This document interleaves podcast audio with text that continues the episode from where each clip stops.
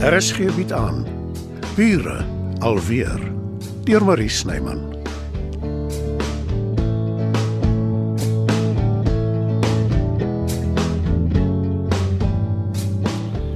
O, oh, ek is bly om te sien dit gaan goed met jou Sonet. Ja, wat? Onkruid vergaan mos nie.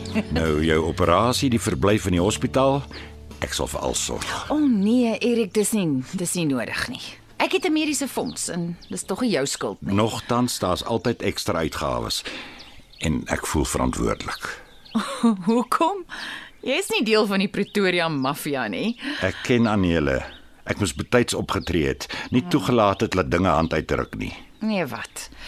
Jy kan jouself kwytskeld. Ek dink bydien nie die vrou wil ooit regtig iemand skiet nie. Hoekom sê jy so? Ek was daar, Erik.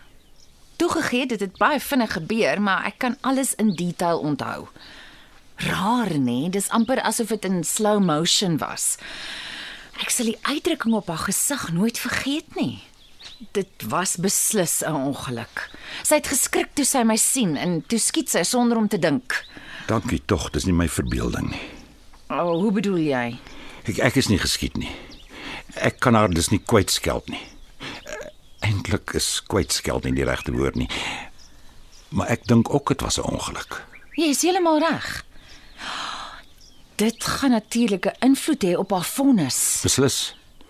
Op die oomblik lyk dit asof sy aangekla gaan word van poging tot moord. Maar as ek vir haar getuig, is dit eerder strafbare manslag. Ek weet nie genoeg van die wet af nie, maar so iets ja. Oh. Sy verskyn vanoggend in die hof vir haar borgtog vroeër. Ek wil daar wees en dit betaal. Ek het klaar vir haar 'n goeie prokureur gekry. As ek vir hom kan sê hoe jy daaroor dink. Ja, Erik, jy kan. Dankie Sonet. Ek het dit nie verwag nie. Ek hoop jy weet dit. Ja. Ek ken jou ook darm. Jy het nog altyd almal probeer help. Ek onthou nog die kind met die brandwonde. Jy het haar plastiese chirurgie gratis gedoen. Maar ja, die ouers kon dit nie bekostig nie. Mm. Maar nou ja, ek is natuurlik in die moeilikheid by Dita hieroor. Sy wil met alle geweld hê aan julle moet lewenslank tronk toe. Op haar ouderdom en met haar agtergrond sal dit seker erger wees as doodstraf. Ja. 'n Deel van my stem saam met Dita. Sy kan nie skotvry daarvan afkom nie.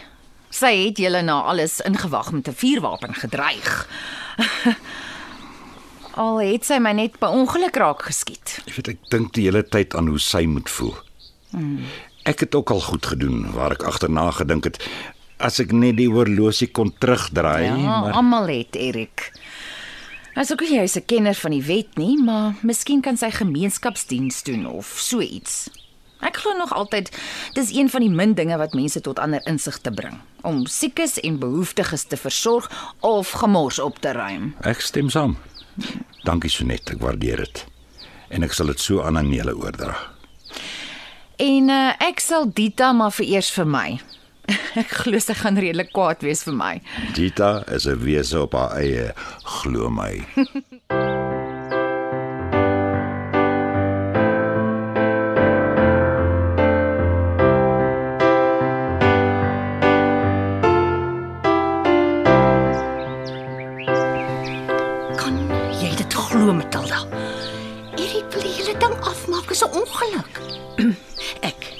daai vrou se twee moorddadige oë gekyk. Ongeluk se voet. En sy's ook geen jammer nie. As sy is, is dit omdat sy my nie geskiet het nie. Ek dink darm nie Erik sal so iets uit sy duim uitsuig nie. Dit is natuurlik uit ou lojaliteit teenoor sy eerste vrou. Of uit medemenslikheid. Ek is net dankbaar dat my instink my gelei het om nooit ja te sê om in daai huis te gaan bly nie. Kan jy dink wat dan sou gebeur het? Ek sou beslis nie met my lewe daarvan afgekom het nie. Dink sê jy niks nie, Matilda? Dink jy ook ek is verkeerd? Ek was nie daar nie, Dita. Ek kan regtig nie 'n mening waag nie. Maar jy gee altyd vir my raad. Nie dat jy ooit daarna luister nie. Ai, dis nie waar nie. Ek ek weet ek doen nie altyd wat jy voorstel nie, maar ek luister altyd. Nou goed dan, Dita. Luister na jou man. Hy ken die vrou. En as Sonet saamstem, dan is hy beslis reg. So. Dis 2 teen 1. Jy wou weet wat ek dink en daar het jy dit. Ek het ongelukkig my eie probleme waarmee ek worstel. Is is dit iets waarmee ek kan help? Nee, Dita. Net ek kan die besluit neem.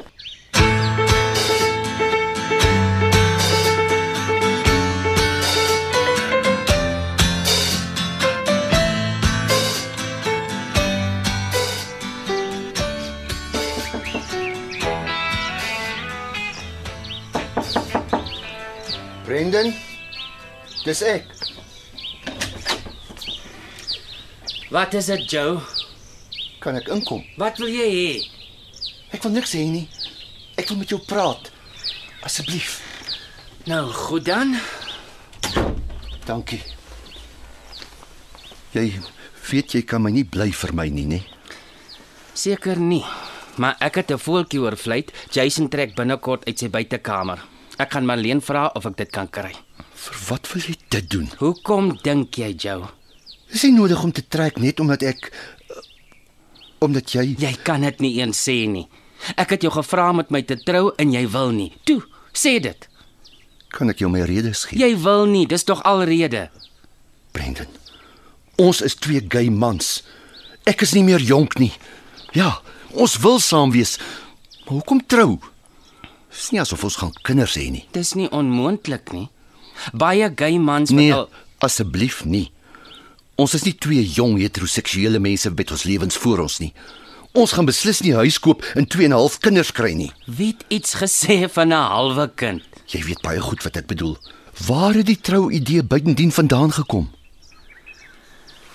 Ek loop al lank al daarmee. Maar hoekom, Brendan? Net voordat my ma dood is, sy het altyd aangegaan oor hoekom ek nie 'n meisie kry nie. En toe sê ek haar ek is gay. Sy wou dit nie aanvaar nie. Sy het gesê ek sal nog regkom. Sy wou nooit weer daaroor praat nie. En dis hoe sy graf toe is, Joe. Hoe kan dit die rede wees hoekom jy met my wil trou? Ek wil hoort, Joe. Behoort. Ek wil hê die hele wêreld moet dit weet. Maar hoekom? Dit gaan tog net oor my en jou. Dis waar jy verkeerd is. Dit gaan oor aanvaarding.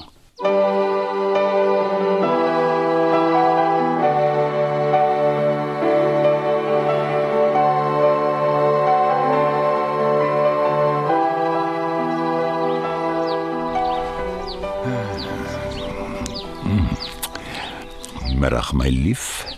Middag, Erik. Nou ja. Alles het toe heel goed afgeloop by die hof. Ek sien. Anele het borg gekry. En jy het dit seker betaal. Nee, O, ek sou. Ek was meer as bereid, maar haar man het betaal. beteken dit sy's op vrye voet. Ja. Sy is aan by my toe. Hy het beslis nie bang haar op sy kop nie. Ek sou met my een oog oopgeslaap het as ek hy was. Hoe lank gaan ons nog hieroor aanhou, Adita? Seker totdat jy ophou om my te probeer dwing om te sê ek is verkeerd oor haar. Jy weet ek sal jou nooit dwing nie, Dita, om enigiets te doen. Maar ek het jou leer ken as 'n sagte vrou. Iemand wat omgee vir haar medemens. Dis waar, ja. Maar dit beteken nie ek keur kriminele gedrag goed nie. Anele is nie 'n misdadiger nie. Sy's 'n vrou wat 'n fout gemaak het. Sy wou self vir jou kom sê hoe jammer sy is. Dis 'n front. Omdat sy my die eerste keer misgeskiet het. Sy kom nie weer naby my huis nie. daar, my lief. Ek het vir gesê ek sal dit aan jou oordra. So net het ingestem om met haar te praat. Sy gaan ook vir getuig. Wat so net doen is haar saak. As dit my 'n hartvogtige mens maak, dan's dit nou maar ook tot daarna toe. En as ek jou verloor in die proses, dan dan was ons huwelik nooit bedoel om te wees nie. En ek sal verstaan. Want ons het nie hof getrou nie in 'n kerk soos dit hoort nie. Dita, jy sal my nooit verloor nie. Nooit. Inteendeel, jy sit met my. En ek sal jou ook nooit laat gaan nie. So sit dit maar uit jou kop uit. Die ding met Anele, dis 'n jammerte dat dit gebeur het. Maar wat my betref, is dit verby. Dis maklik vir jou om te Dita. Ek ken jou daarom ook al goed genoeg om te weet dat jy nie 'n wrok kan of sal dra nie, want jy kan nie. Dis nie in jou aard nie. Ai Erik. Jy ken my regtig te goed. En ek is die gelukkigste man op aarde met jou aan my sy.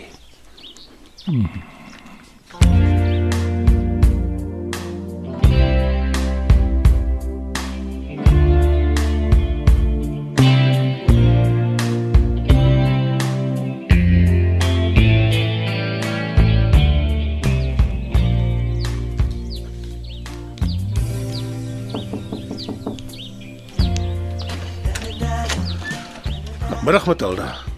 Kom binne. Dankie. Ek is verbaas om jou hier te sien. Veral na gister. Ja, ek kan dink. Hoekom is jy hier? Jy het tog seker nie van plan verander oor die motorfiets nie. Ek het welkom verduidelik. Jy het my nie gister kans gegee nie. Jy kan my nie regtig kwaadlik neem nie. Dis nie waaroor dit gaan nie. Ek het jou gevra hoe ek jou so ver kan kry om my permanent in jou lewe toe te laat. En sweep my van my voete af, Albert. Dit was jou presiese woorde. Met 'n motorfiets. Ja. Ek het gedink aan iets iets oorweldigend, radikaal, iets wat jou sal beïndruk. 'n Motorfiets. Ja, Matilda, 'n motorfiets. Ek het gedink ek en jy ons kan saam gaan ry die die die die spreekwoordelike wind deur ons hare voel. Met 'n valhelm op ons koppe. Ek het gesê spreekwoordelik, vroumens. Vroumens. Goeie genigtig, het jy nou skielik 'n papegaai geword wat alles napraat? Dis nie nodig om belaglik te wees nie. Ja, ja, jammer. Ek het nog nooit van motorfietsse gehou nie. Ek het nie eers saam met Jurg op een geklim nie. Ek weet. Wat het jou dan laat dink dat 'n motorfiets my van my voete sal afsweep? Ek is nie jurg nie, Matilda. Beteken dit jy wil hê ek moet iets saam met jou doen wat ek nooit saam met hom gedoen het nie? Daaraan het ek eerlikwaar nie eers gedink nie. Jy moet onthou ek is 'n man, 'n middeljarige man wat sy lewe lank al sukkel om vrouens te verstaan, maar wat dit nog nooit kon regkry nie.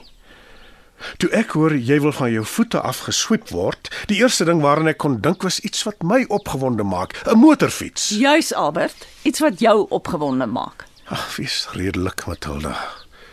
Ek weet nie wat jou opgewonde maak nie. Ek dink eerlikwaar nie ek het jou al ooit vreeslik opgewonde gesien nie. So hoekom wees jy nie meer spesifiek nie? Sê vir my, wat maak jou opgewonde? Ek weet nou dis nie motorfietsse nie. Ek is spyt, ek het ooit die simpel woorde kwyt geraak. Dit het net moeilikheid veroorsaak. Ek is weer nie. Van die begin af volg ons jou reëls. En van die begin af val ek in daarbey. Jy het gevra vir tyd, ek het jou tyd gegee. Ek wou al hoeveel keer naby jou wees en jy het my elke keer weggestoot. Ek weet jy het wel gevoelens vir my. Maar jy kan niks teenoor my met oorgawe doen nie.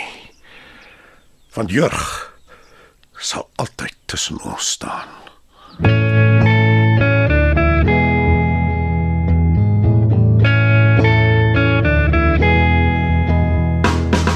Dit was Bure alweer deur Marie Snyman. Nerea Mkwena behartig die tegniese versorging en Evert Snyman die musiek en byklanke. Bure alweer word in Johannesburg opgevoer deur Marie Snyman.